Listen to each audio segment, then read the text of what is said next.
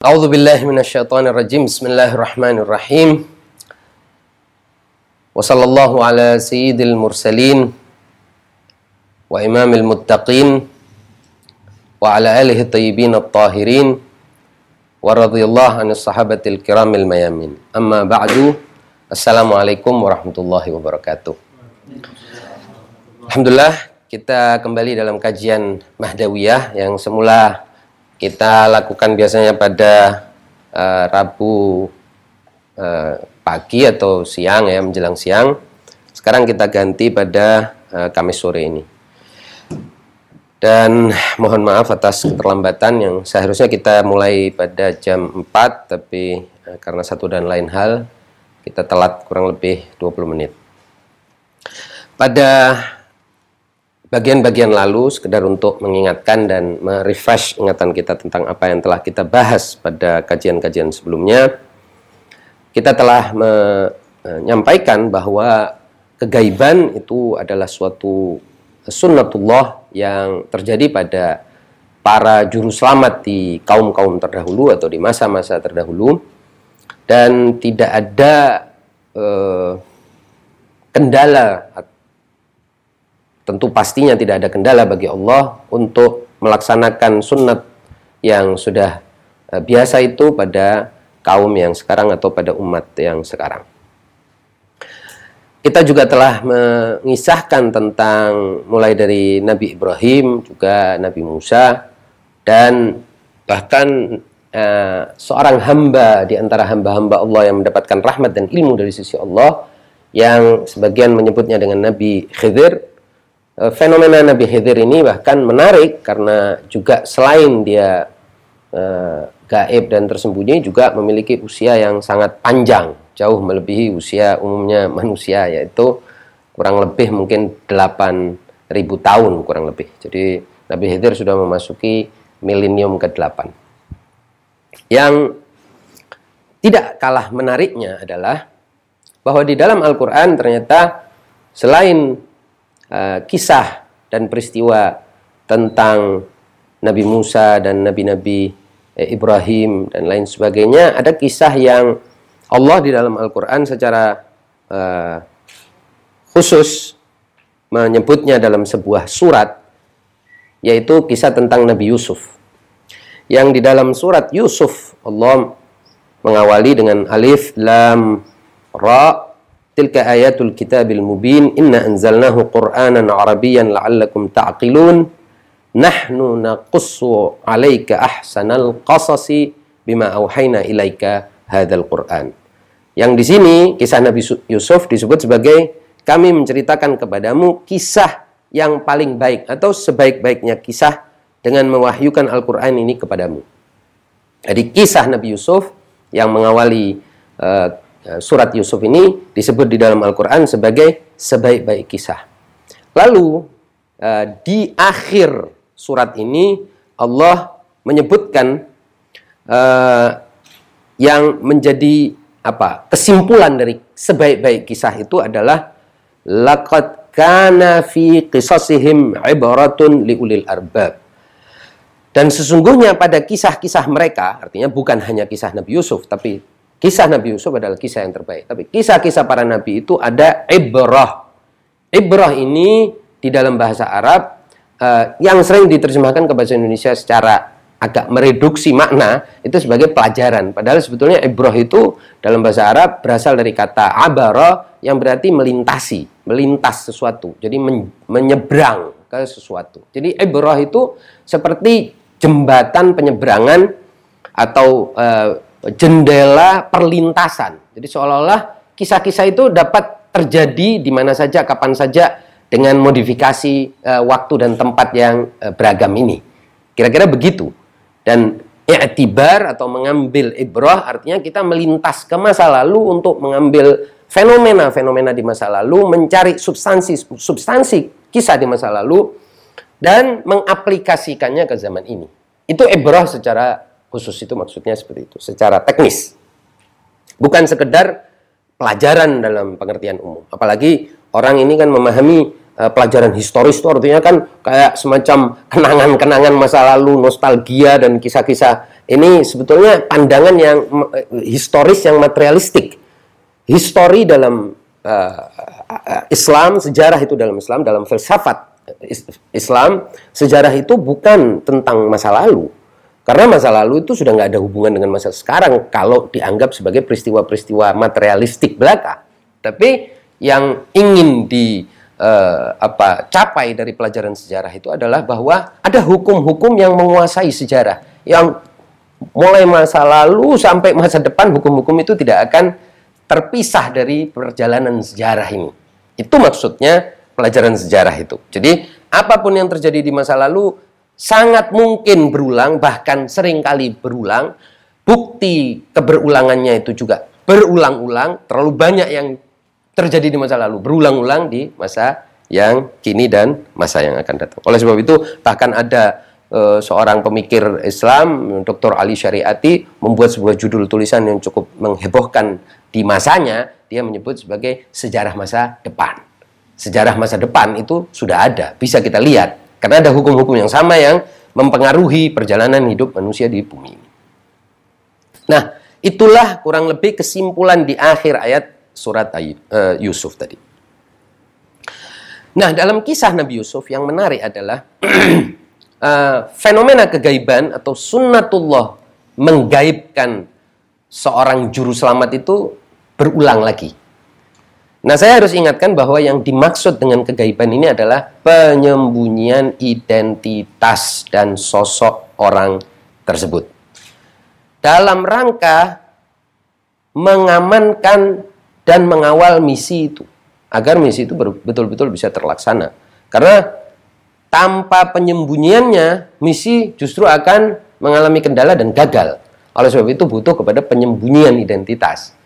Jangan kemudian ditafsirkan ini sebagai sebuah uh, ketakutan atau kepengecutan naudzubillah min dalik. Itu sama sekali bukan seperti itu.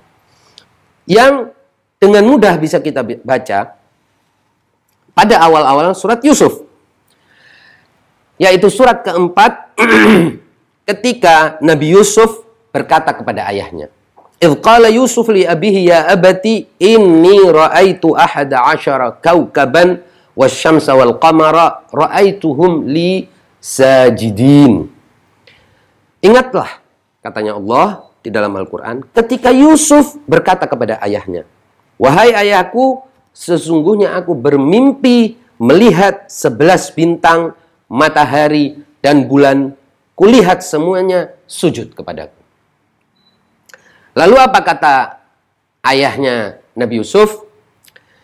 Qala ya bunayya, la taqsus ru'yaka ala ikhwatika, fayakidu laka kaida. Inna syaitana lil insani aduun mubin. Ayahnya berkata kepada Yusuf, Hai anakku, Janganlah kau ceritakan mimpimu itu kepada saudara-saudaramu. Maka mereka akan membuat makar untuk membinasakanmu. Sesungguhnya setan itu adalah musuh yang nyata bagi manusia. Ini kaidah ini ternyata dipakai juga oleh Nabi Yusuf. Yusuf bermimpi melihat kemenangan besar. Bahkan mimpi Yusuf itu sendiri adalah sebuah petunjuk dari Allah. Wahai Yusuf, ini sebelas bintang, matahari dan bulan ini akan sujud kepadamu. Artinya takluk kepadamu. Artinya kamu akan memiliki kekuasaan yang besar. Orang yang tidak tahu ini mengira bahwa kemenangan itu sudah di depan mata, sudah tinggal diambil begini. Tetapi apa?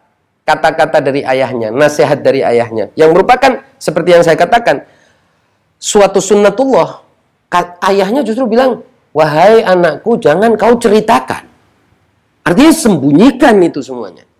Karena kalau kau ceritakan sekarang belum waktunya, maka engkau akan dikeroyok. Saudara-saudaramu akan berkonspirasi kepada apa namanya nah, kepadamu berkomplot untuk membinasakanmu dan mimpi itu bisa tidak terlaksana bahkan gugur gagal misimu kehendak Allah untuk me, apa namanya me, menangkanmu dan menjadikanmu penguasa itu tadi akan mudah diterjang oleh konspirasi yang dilakukan oleh saudara-saudara. Kita dapat ambil pelajaran dari sini sejumlah hal. Pertama, bahwa ternyata ketika Allah berkehendak untuk memenangkan satu orang atau suatu kaum, kehendak itu kadang-kadang juga ada syarat-syaratnya. Bahkan selalunya ada syarat-syaratnya. Di sini syarat dari pelaksanaan kehendak itu tadi, realisasi kehendak ilahi itu tadi, atau rencana ilahi itu tadi, menuntut Yusuf untuk menyembunyikan kehendak Allah atau petunjuk yang berisi kehendak Allah itu dari siapa pun, bahkan dari saudara-saudaranya. Ini yang pertama. Yang kedua, kemenangan Yusuf itu bukan hanya menimbulkan iri dan dengki bagi orang-orang yang jauh, yang memang musuh. Bukan. Nggak usah jauh-jauh. Saudara-saudara Yusuf pun dapat timbul di dalam hati mereka iri hati dan akhirnya menggagalkan uh, rencana ilahi tersebut. Artinya Allah bukan sedang berbicara tentang musuh-musuhnya. Tidak. La taksus ru'yaka ala ikhwatika. Jangan kisahkan mimpi itu tadi kepada saudara-saudaramu. Artinya saudara-saudara Yusuf juga tidak boleh diberitahu tentang mimpi itu. Dan terbukti memang Yusuf dan ayahnya tidak menceritakan tentang ini. Meskipun kedengkian dari saudara-saudaranya timbul dari persoalan lain. Yaitu sayang dan cinta ayahnya yaitu Yakub kepada Yusuf bukan karena dia menceritakan kisah itu atau mimpi itu kepada uh, saudara-saudaranya. Tetap mimpi itu disembunyikan oleh Yusuf. Jadi ada dua pelajaran yang bisa kita ambil. Dan yang ketiga, Yusuf menyembunyikan kisah itu karena perintah Allah. Ini yang terpenting. Jadi jangan orang berbicara bahwa wah, ini Yusuf berarti nabi yang penakut nih nggak berani tampil, nggak berani menceritakan, nggak. Karena ukuran keberanian bagi orang mukmin yang membawa misi dari Allah, tugas dari Allah, bukan keberanian model uh, apa namanya bromo corah atau uh, tukang jagal atau tukang kelahi, bukan. Ukuran keberaniannya adalah berani menerima perintah Allah, berani taat kepada Allah. Ini keberaniannya. Keberanian bagi orang mukmin itu adalah ketaatan, sama dengan ketaatan kepada Allah. Bukan keberanian dalam karangan dia. Berani artinya kalau ada orang bersikap gini, saya juga harus bersikap gini. Ini berani hewani. Keberanian hewani. Keberanian para nabi, para imam itu keberanian yang sifat dasarnya adalah ketaatan pada Allah. Kalau Allah menyuruh apa pun yang mungkin dalam pandangan publik itu adalah ketakutan, tidak masalah. Yang penting kamu berani melaksanakannya. Oleh sebab itu di dalam Al-Quran juga disebutkan La yakhafuna fillah. Menarik sekali untuk kita sedikit apa karena ini ada komentar-komentar soal kok kenapa apa namanya tidak berani dan lain sebagainya. Coba kita lihat ayat ini. Uh, dalam ayat ke 54 surat Al-Maidah. Ini Allah menjelaskan tentang apa makna keberanian. Ini menarik. Ya ayyuhalladzina amanu man yartadda minkum an dinihi fasawfa ya'ti Allahu biqaumin yuhibbuhum wa yuhibbunah azillatin 'alal mu'minin a'izzatin 'alal kafirin yujahiduna fi sabilillahi wa la yakhafuna laumata laim. Hai orang-orang yang beriman, barang siapa di antara kamu yang murtad dari agamanya, maka kelak Allah akan mendatangkan suatu kaum yang Allah mencintai mereka dan mereka pun mencintai Allah yang bersikap lemah lembut terhadap orang-orang mukmin, yang bersikap keras terhadap orang-orang kafir, yang berjihad di jalan Allah dan yang garis bawah ya, tidak takut kepada celaan orang-orang yang mencela. Jadi tidak takutnya itu bukan tidak takut seperti orang yang wah berani apa namanya anak-anak kecil atau hewan yang di apa diganggu sedikit menggonggong. Bukan. Tidak takut terhadap celaan orang. Artinya memang keberaniannya itu tegak lurus pada perintah Allah Subhanahu wa taala Allah perintahkan apa saya jalanin loh tapi kelihatan kamu kelihatan seperti orang pengecut kalau gitu oh nggak masalah Ukuran saya bukan bos saya bukan kamu. ya kan? Dan di dalam Al-Qur'an ada sebutan uh, ada firman Allah yang bunyinya begini. Wa ahsin kama ahsanallahu ilaik. Berbuat baiklah seperti Allah berbuat baik kepada kalian. Bukan seperti manusia berbuat baik kepada kalian. Karena ukuran manusia tidak boleh manusia yang lain. Kalau ukuran manusia itu adalah manusia yang lain, yang kebetulan manusia yang lain ini belum sepenuhnya jadi manusia, kan berarti ukuran itu turun. Tereduksi. Ukuran itu jadi nanti lama-lama manusia yang setengah manusia yang setengahnya lagi binatang ini jadi ukuran akhirnya manusia yang lain ini ngambil setengahnya lagi akhirnya jadi binatang maka proses manusia bukan menyempurna tapi merosot ke bawah. Maka ukuran manusia harusnya Allah Subhanahu wa taala. Bahkan dalam nilai nilai keberaniannya. Keberaniannya harus menempel dempet berhimpitan secara terus-menerus berkorelasi positif dengan ketaatan kepada Allah. Ini yang ingin saya garis bawahi. Nah, kembali kepada surat Yusuf tadi bahwa di dalam surat itu uh, Nabi Yakub menyatakan kepada Yusuf, putranya yang seorang nabi, jangan engkau sampaikan mimpimu ini kepada saudara-saudara. Bayangkan, kepada saudara-saudaranya saja tidak boleh, apalagi kepada musuh-musuhnya. Dan tidak peduli apa tanggapan orang nanti apa enggak.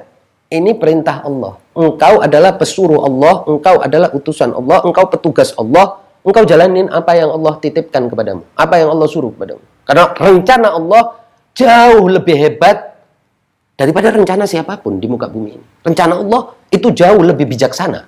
Allah yang maha bijaksana, maha mengetahui, maha kuasa ini punya rencana-rencana yang indah, jauh lebih indah, lebih cantik daripada rencana musuh-musuh yang ingin menggugurkan atau menggagalkan rencana tersebut. Oke.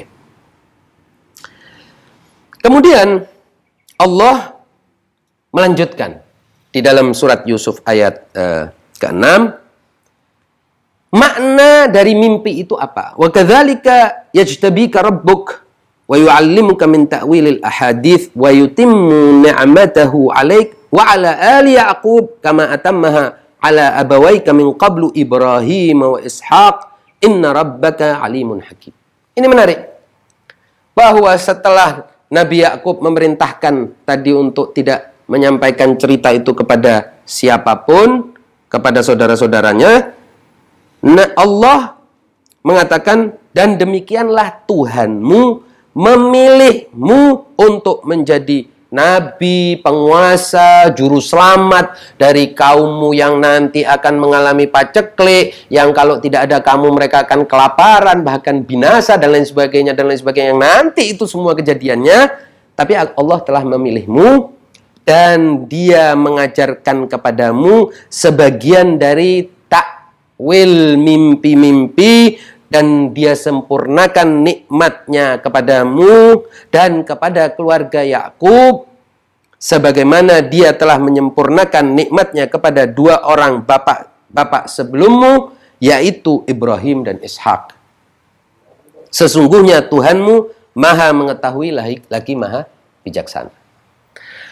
Ini firman ini adalah konfirmasi bahwa mimpinya Nabi Yusuf itu tadi adalah suatu petunjuk pengangkatannya sebagai nabi sekaligus penguasa dan juru selamat bagi kaumnya.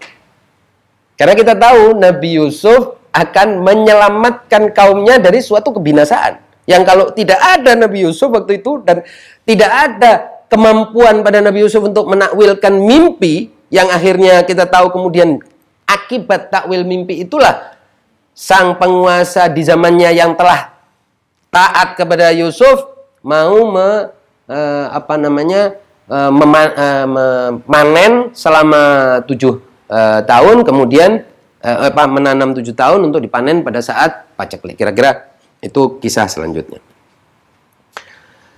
Nah ini kemudian Allah menjelaskan dalam uh, ayat yang ketujuh mengkonfirmasi uh, apa yang telah kita sampaikan, sesungguhnya ada beberapa tanda-tanda kekuasaan Allah pada kisah Yusuf dan saudara-saudaranya bagi orang-orang yang bertanya atau orang-orang yang mencari tentang kebenaran sesuatu.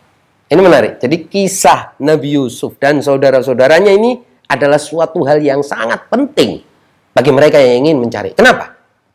Sangat penting. Karena di dalam kisah Yusuf lagi lagi saya ulang-ulangi bahwa Allah melaksanakan sunnah yang telah dia tetapkan bagi para nabi dan juru selamat sepanjang masa. Ada masa di mana Allah menyuruh mereka untuk sembunyi-sembunyi, menyembunyikan diri, tidak memperkenalkan identitasnya, tidak mendeklarasikan sebelum segala persyaratannya telah siap. Ini adalah sunnatullah. Nah, yang juga tidak kalah menariknya bahwa di dalam Al-Quran kita menemukan kesamaan kisah Nabi Yusuf ini dengan kisah kelahiran Sahibul Asri wa Zaman Al-Imam Al-Mahdi Al-Mutawar. Yaitu sebagaimana Nabi Yusuf dia tidak diperkenalkan. Ini ayahnya tahu ini putranya adalah nabi, tapi melarang putranya untuk memperkenalkan dirinya sebagai nabi. Bahkan ayahnya sendiri tidak mau memperkenalkan itu, menyuruh anaknya, itu tentu perintahnya Allah kepada Nabi Yakub agar anaknya tidak menceritakan itu bahkan kepada saudara-saudaranya.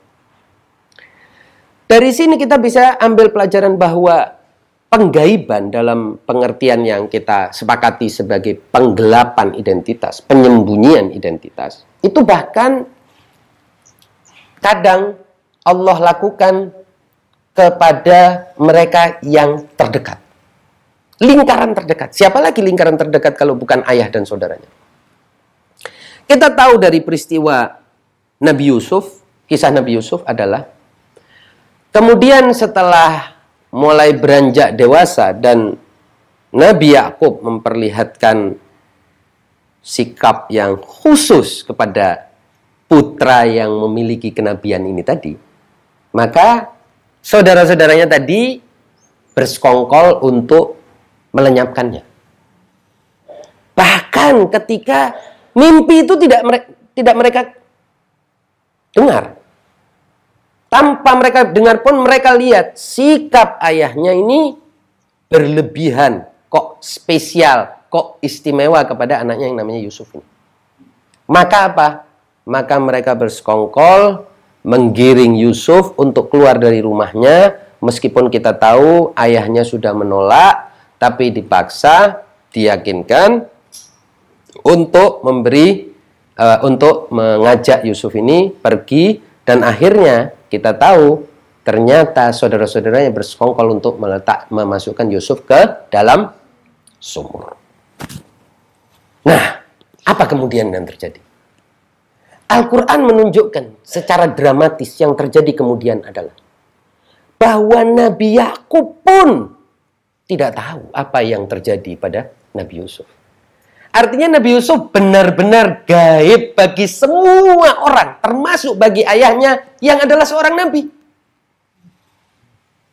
Tidak tahu apa yang terjadi pada Yusuf.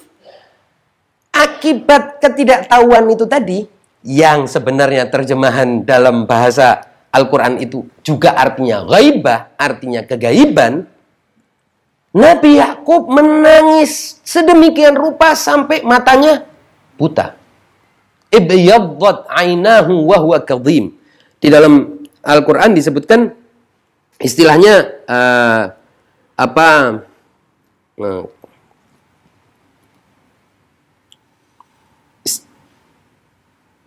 Saya akan coba ulangi lagi di dalam Al-Quran uh, cerita yang kemudian terjadi dan nanti sampai kepada kalimat ibyaddat ainahu wa huwa kadhim.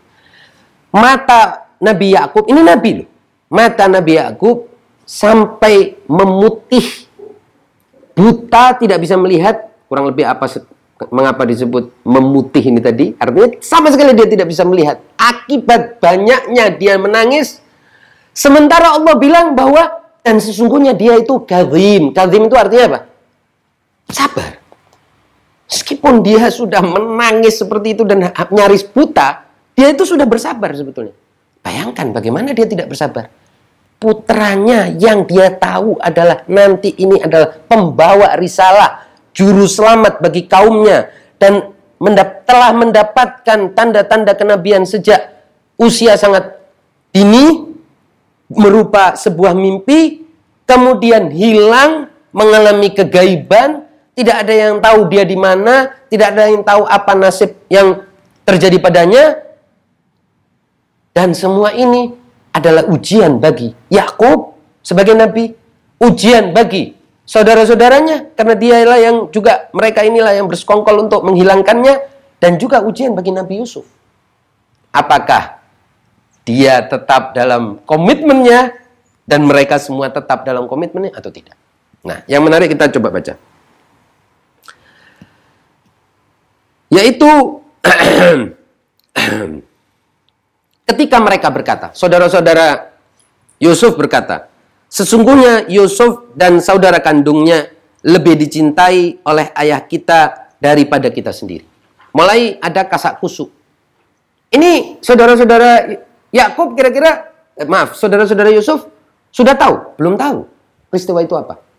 Masih dalam alam sana, masih dalam penyembunyian dan disembunyikan apa yang mimpinya Nabi Yusuf. Dan Kemudi tapi kemudian mereka kasak kusuk, berencana busuk, melakukan suatu persekongkalan busuk. Mereka berkata di antara mereka, sesungguhnya Yusuf dan saudara kandungnya lebih dicintai oleh ayah kita daripada kita sendiri. Padahal kita ini adalah suatu golongan yang kuat.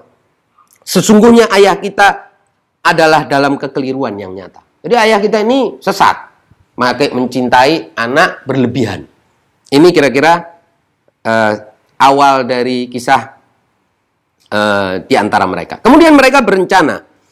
Di antaranya kemudian mereka mengatakan, bunuhlah Yusuf atau buanglah dia ke suatu daerah yang tidak tidak dikenal supaya perhatian ayah kalian tertumpu pada kalian saja.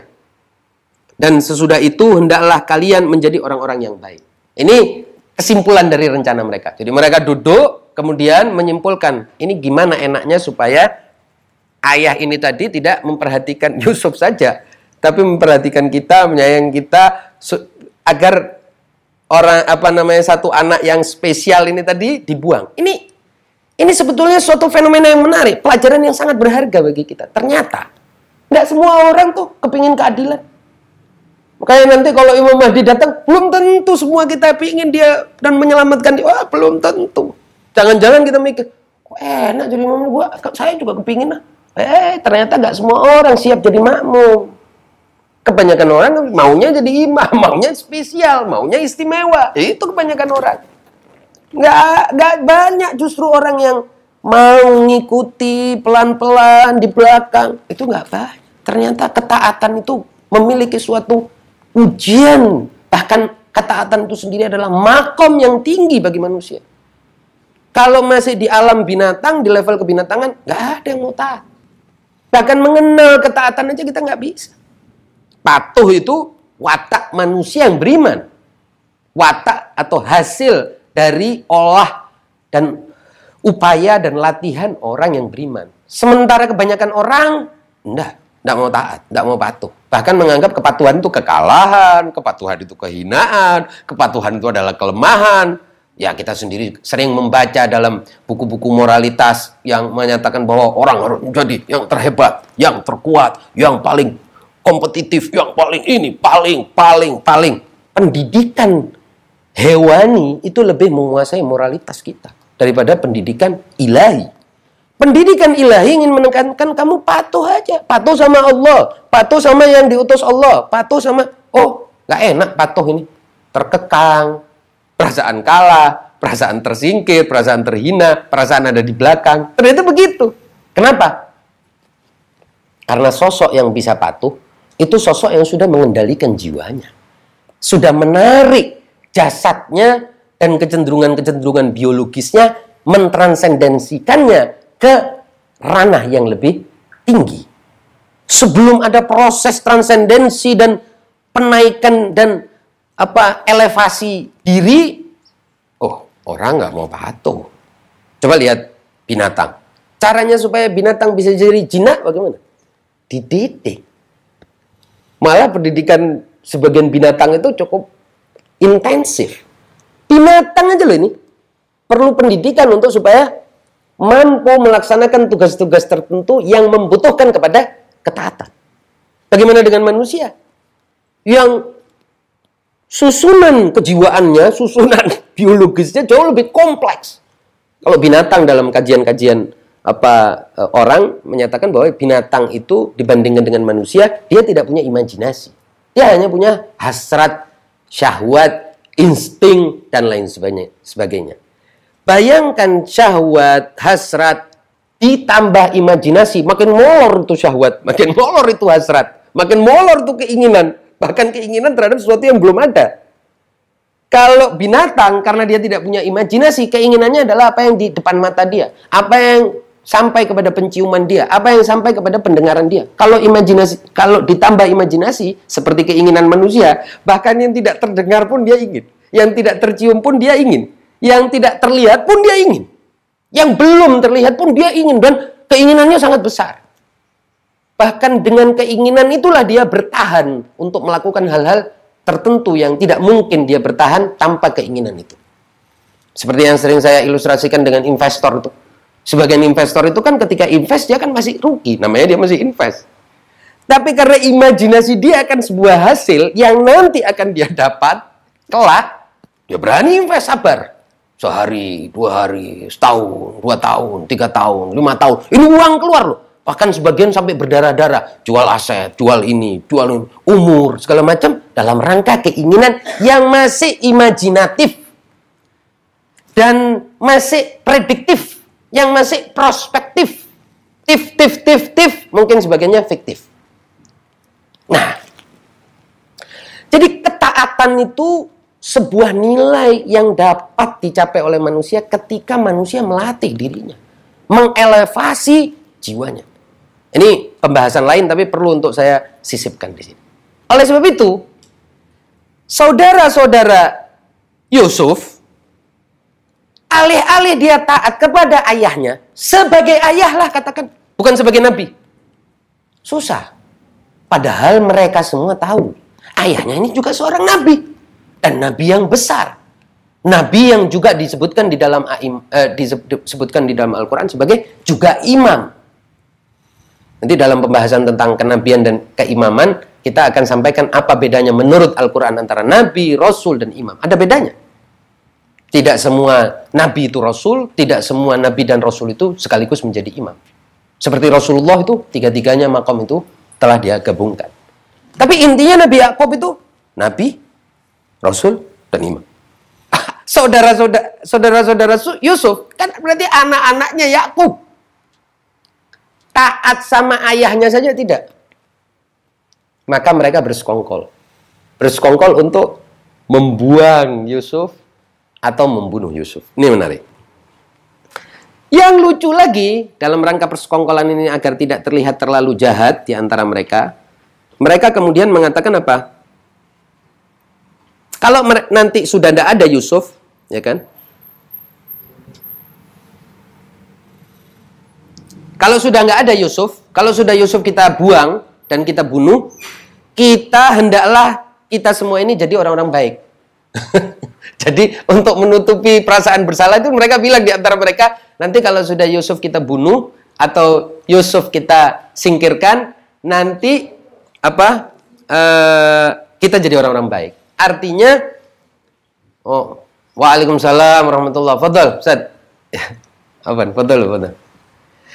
Nah, kemudian, alam salam.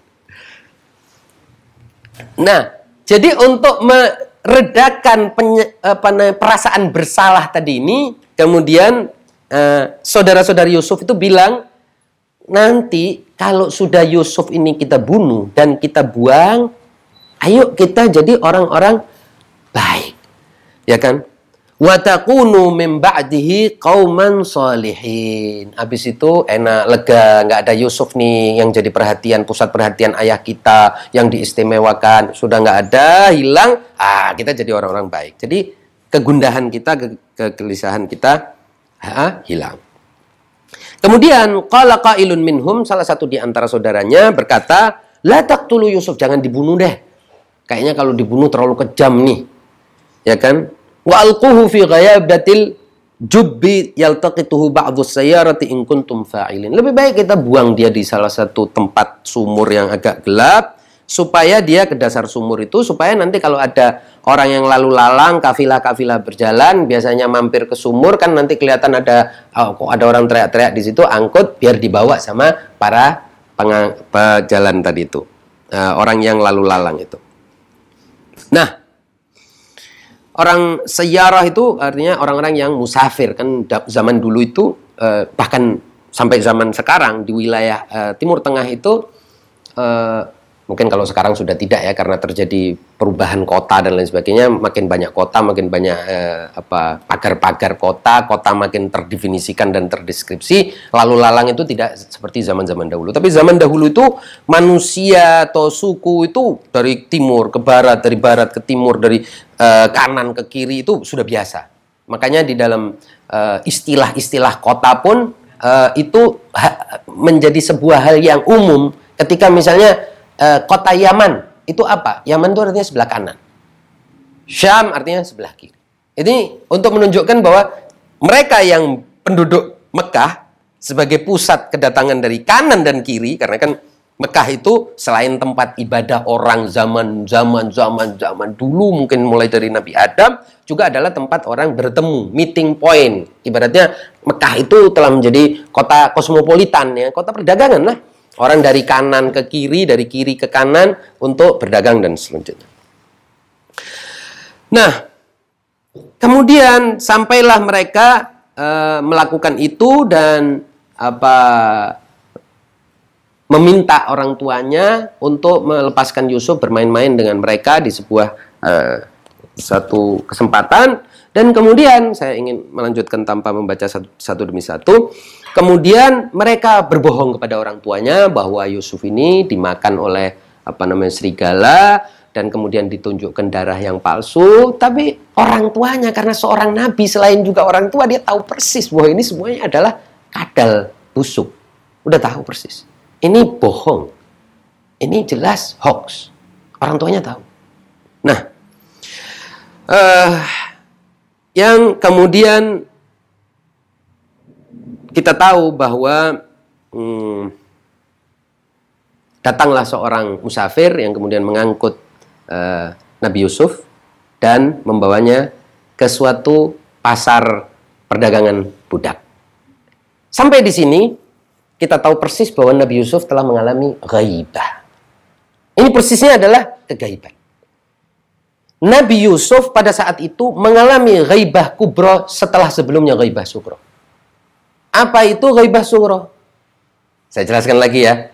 Ghaibah sugro adalah ketika Nabi Yusuf mendapatkan mimpi dan menyatakan mimpi itu kepada orang tuanya yang juga seorang nabi. Orang tuanya yaitu Nabi Yakub bilang, "Jangan ceritakan mimpi ini kepada saudara-saudaramu." Orang tuanya masih tahu dia ini Yusuf, identitasnya masih dia lihat. Artinya kegoibannya baru kegoiban sementara. Identitas dia masih bisa diketahui oleh ayahnya. Dan dalam sebagian riwayat, saudaranya yang sekandung juga tahu.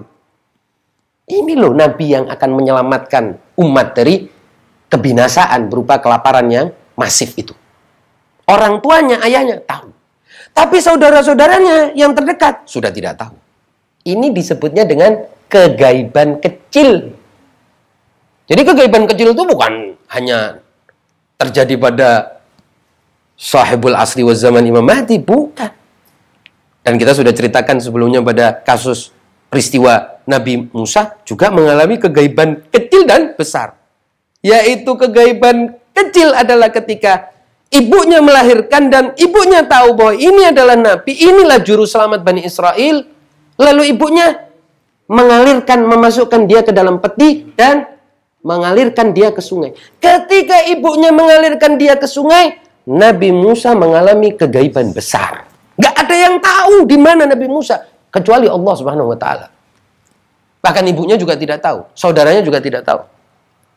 Kan dalam riwayat disebutkan bahwa saudaranya mengikuti apa namanya uh, peti itu Sampai ke tempat tertentu dia sudah tidak berani. Karena ternyata yang mengambil adalah pasukan uh, Firaun. Apa ini? Ada apa? Dicek, masukkan ke dalam istana. Ketika itu dia tidak tahu. Tapi karena Nabi Musa menangis, menangis, menangis dan tidak bisa berhenti sampai akhirnya kita tahu kemudian dipertemukan lagi oleh ibunya. Tapi ada masa di mana dia mengalami tidak ada orang yang tahu di mana dia sama sekali tidak tahu. Seperti peristiwa ketika Nabi Yusuf dicemplungkan, dibawa keluar dari rumahnya, yang pada saat itu identitas Yusuf yang tahu hanya ayahnya, yang pasti disebutkan dalam Al-Quran adalah yang tahu ayahnya, atau mungkin juga mungkin saudaranya, tapi yang pasti adalah ayahnya yang tahu, hanya ayahnya. Kemudian dia di, dikeluarkan dari rumah, dicemplungkan ke dalam sumur. Ketika itu sudah nggak ada lagi yang tahu. Wassalam. Tidak ada orang yang tahu, yang memungut tidak tahu, yang membeli tidak tahu, sampai dia di penjara dia tidak tahu, dan seterusnya dan seterusnya sampai Allah wanumakkinalahu. Baru Allah perkuat dia syarat-syarat untuk kemenangannya sudah lengkap. Baru kemudian kita tahu ada proses pengenalan dirinya kembali kepada mereka yang sebelumnya telah mengenali dia. Yaitu saudara-saudaranya terlebih dahulu. Nabi Yusuf bahkan ini yang menarik dari kisah Nabi Yusuf. Dalam peristiwa Nabi Yusuf, Nabi Yusuf tahu siapa mereka, tapi mereka tidak tahu ini siapa. Dan itu bisa terjadi pada kegaiban sahibul asli wa zaman. Ajalallahu ta'ala Dia tahu kita. Karena ada pertemuan di mana ketika saudara-saudaranya Yusuf itu berangkat untuk meminta apa namanya minta ransum, minta uh, makanan, mereka semua bertemu dengan Nabi Yusuf. Nabi Yusuf tahu ini semua siapa mereka ini. Tapi mereka tidak membayangkan bahwa ini Nabi Yusuf orang dia pikir sudah mati di dalam sumur kok. Atau diambil orang dan menjadi orang luntang-lantung, menjadi bambung atau apa pun. Dia pikirannya begitu. Ini salah satu makna yang disebutkan di dalam Al-Quran. Nah, tanpa me, apa namanya me, menyebutkan tentang uh, apa yang terjadi dengan proses bagaimana Nabi Yusuf kemudian Allah perkuat posisinya sampai dia bisa menjadi penguasa Mesir ketika itu. Dan kita harus tahu bahwa penguasa Mesir di zaman itu adalah penguasa dunia. Mesir itu kota terbesar di dunia Mesir bukan seperti Mesir sekarang. Mesir di era itu karena Yusuf ini kan kakeknya Nabi Yusuf, Nabi Musa. Kita meskipun nggak kronologis cerita ini, kenapa kita memulai dengan Nabi Musa? Karena saya ingin mengaitkan dengan Nabi Khidir yang saya ingin juga nanti poinnya adalah bahwa dia memiliki usia yang lebih panjang daripada siapa pun yang kita kenal di bumi ini. Jadi nanti ini poin-poinnya supaya tidak harus kronologis maksudnya. Tapi Nabi Musa ini adalah putra dari Nabi Yakub yang Nabi Yakub itu namanya adalah juga Israel.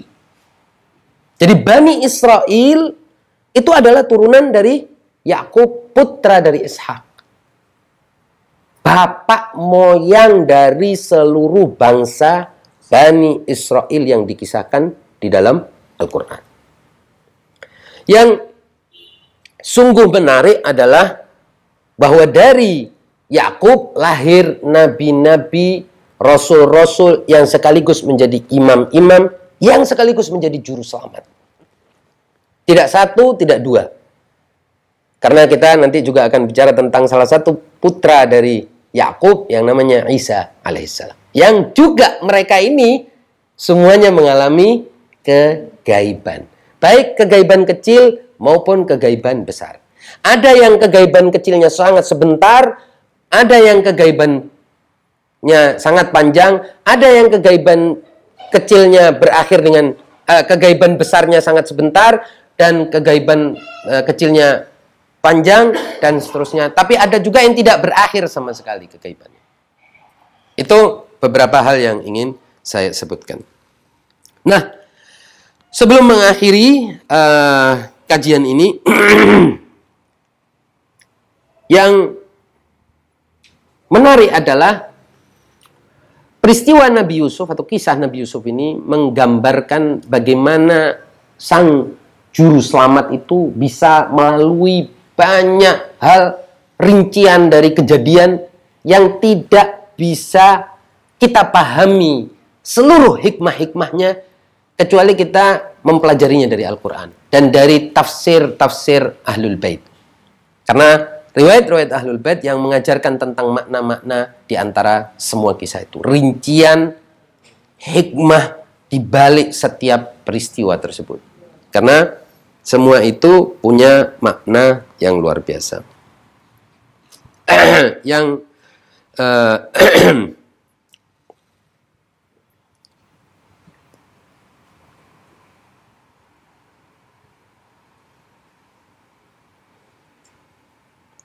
Tadi saya sebutkan dalam uh, apa? Dalam awal cerita bahwa Nabi Yakub sebagai seorang nabi uh, dia memerintahkan Yusuf untuk tidak menceritakan kisahnya. Karena dia tahu kalau kisah ini diceritakan identitas Yusuf diketahui, rencana Allah untuk menjadikan memenangkan Yusuf dan menjadikan dia sebagai juru selamat bagi bangsanya melalui cara-cara yang kemudian kisah detailnya kita bisa baca dalam Al-Quran, ini bisa gugur dan bisa gagal sama sekali, gagal total. Dan sebagai seorang ayah, sekaligus sebagai seorang nabi, Allah menyebutkan di dalam Al-Quran, surat Yusuf ayat 84, sesuatu yang sebetulnya sangat dramatis. Artinya, kesabaran Nabi Yakub dalam menerima ujian ini. Ujian menunggu anaknya jadi besar, jadi penguasa dan jadi penyelamat dan jadi nabi yang agung itu tadi. Itu Allah bilang dan Yakub wa tawalla anhum wa qala ya asafa ala Yusufa wa biyaddat ainahu wa min uh, minal huzni fahuwa kadhib. Allah bilang dan Yakub berpaling dari mereka dari anak-anaknya karena mendengar tahu persis bahwa anak-anaknya itu berbohong soal ini semua dimakan serigala dan seterusnya dan bahkan Nabi Yakub tahu persis bahwa itu darah bukan darahnya Yusuf dan dia tahu. Kemudian dia berkata dan Yakub berpaling dari mereka anak-anaknya seraya berkata aduhai duka citaku terhadap Yusuf dan kedua matanya menjadi putih karena kesedihan dan dia yakni Yakub adalah orang yang menahan amarahnya terhadap anak-anak. Bayangkan, Allah mengisahkan ini secara romantis betul. Ada seorang nabi utusan Allah punya banyak mukjizat, punya kekuasaan ini itu, kalau minta ini itu juga Allah akan kasih. Tapi Allah menunjukkan dan mengisahkan kepada kita ini bapak dari Bani Israel ini tadi harus melalui situasi di mana dia kehilangan anaknya, tidak tahu anaknya di mana dan nasibnya gimana, nggak tahu persis. Dan itu semua karena kerjaan dan persekongkolan dari putra-putranya yang merupakan saudara-saudara dari anak tersebut. Ini kan ironi bercampur tragedi. Bagaimana? Nabi menyaksikan anak-anaknya mengerjai dan me, uh, apa, berkonspirasi, bersekongkol untuk menghabisi salah satu putranya yang telah Allah tetapkan sebagai nabi penggantinya dan juru selamat bagi apa namanya bangsa Yahudi. Tetapi Allah kemudian mengatakan apa? Dan dia kemudian menangis. Betapa sedihnya aku atas Yusuf, atas nasibnya yang tidak pernah tahuan. Dan Allah menyifatinya sebagai yang telah menahan amarahnya ibyaddat ainahu minal huzni. Matanya memutih karena sedih, karena tangisan dan lain sebagainya. Wahuwa kadhim. Dan dia fahuwa kadhim. Dan dia pun adalah orang yang menahan amarahnya.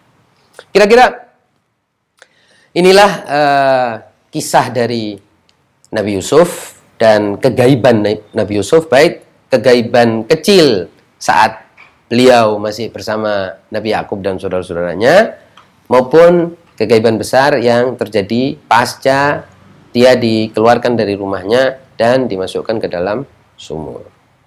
Fadlu kalau ada uh, pertanyaan yang sebelum kita akhiri uh, apa namanya acara ini, kalau ada silakan kita menunggu. Silakan. Fadl? Ininya mati. Bentar. Nyalain dulu.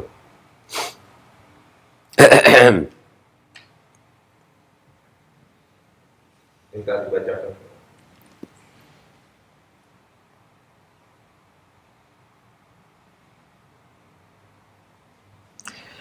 Oke, ini ada pertanyaan. Jika kisah Nabi Musa dan Nabi Yusuf bisa menggambarkan proses kegaiban dan penerimaan terhadap Imam Mahdi, bagaimana kita bisa memahami kehidupan Imam Mahdi sekarang ini, terutama apa yang Imam Mahdi lakukan untuk mempersiapkan dirinya?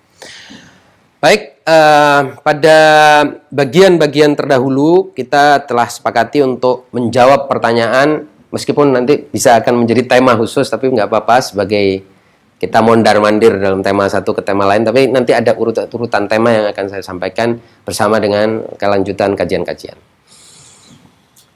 Dari kisah Nabi Musa uh, dan juga Khidir dan Nabi Yusuf ini kita menyimpulkan bahwa kegaiban itu adalah sunnatullah.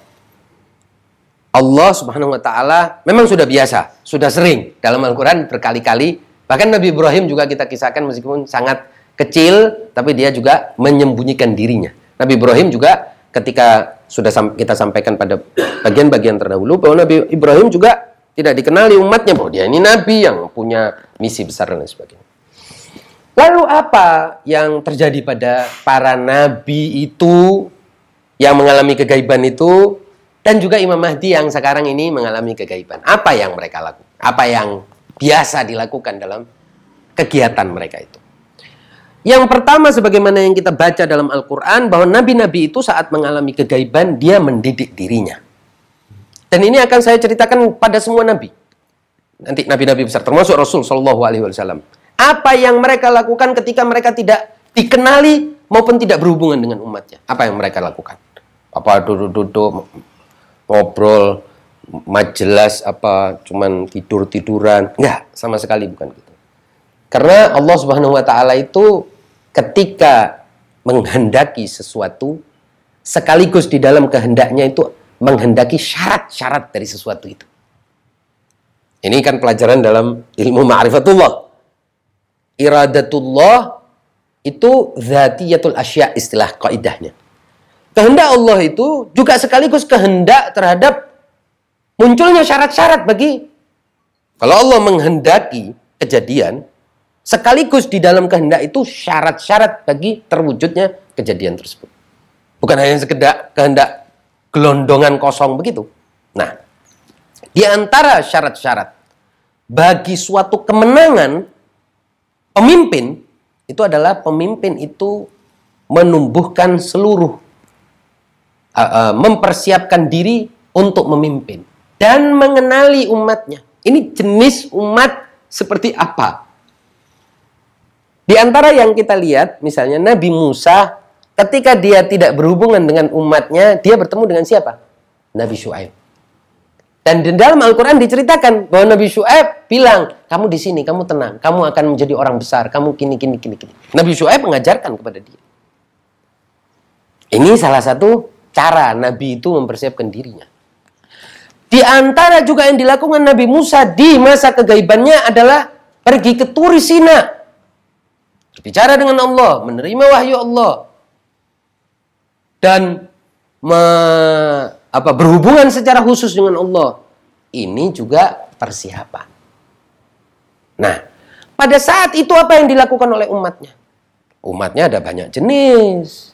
Ada umat yang memang menunggu, ada yang umat yang nggak tahu, ada umat yang mempersiapkan untuk menggagalkan rencananya kalau dia datang. Kenapa? Karena memang tidak semua orang mau keadilan. Jangan dipikir semua orang mau keadilan. Enggak.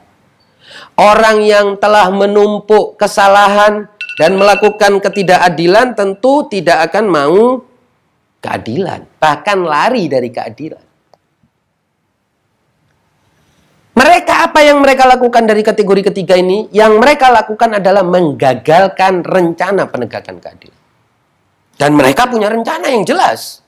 Bahkan sistem ketidakadilan itu akan diperkuat, dikonsolidasikan terus-menerus sehingga mereka yang ingin menegakkan keadilan akan selalu gagal. Baik melalui penipuan, maupun koersi dan kekerasan, maupun melalui iming-iming dan kelezatan-kelezatan sementara, apa pun lah ceritanya, atau melalui perpecahan, friksi sana, friksi sini, intrik sana, intrik sini, intinya gagal yang mau menegakkan keadilan. Karena bagi mereka keadilan itu adalah kesulitan terbesar. Karena kalau sudah ada keadilan, mereka akan kehilangan semua status-status hak-hak yang tidak bukan haknya ini akan diambil semuanya. Nah, ini mereka nggak mau. Nah, mereka akan melakukan segala cara untuk keluar dari situasi itu. Nah, di antara tiga golongan ini, golongan yang pertama yang menunggu. Nah, di antara yang menunggu juga ada yang menunggu secara aktif dengan mempelajari apa saja yang dapat memperkuat penantian, apa saja yang dapat memperkuat persiapan, barisan mereka yang bersiap dan seterusnya. Ada yang enggak, sudah menunggu aja datang alhamdulillah nggak datang ya nggak apa-apa lah kita terusin itu memang juga nggak nggak terlalu semangat ya sudah ini bagian mereka saya ini nanti akan kita bahas pada kajian-kajian sebelumnya eh, setelahnya insyaallah ada yang lain? Silakan. Mau pertanyaan lagi? Oke kalau nggak ada uh, kita akhiri uh, kita ini. Uh, semoga Allah Subhanahu Wa Taala dapat menjadikan kita orang-orang yang siap menanti kehadiran Sahibul Asri wa Zaman dan uh, kuat dalam penantian itu dan benar-benar serius dalam mengemban amanat penantian dan menjadi orang-orang yang layak menjadi pengikutnya. Demikian subhana rabbika rabbil izzati amma yasifun wa salamun alal mursalin walhamdulillahi rabbil alamin. Wassalamualaikum warahmatullahi wabarakatuh.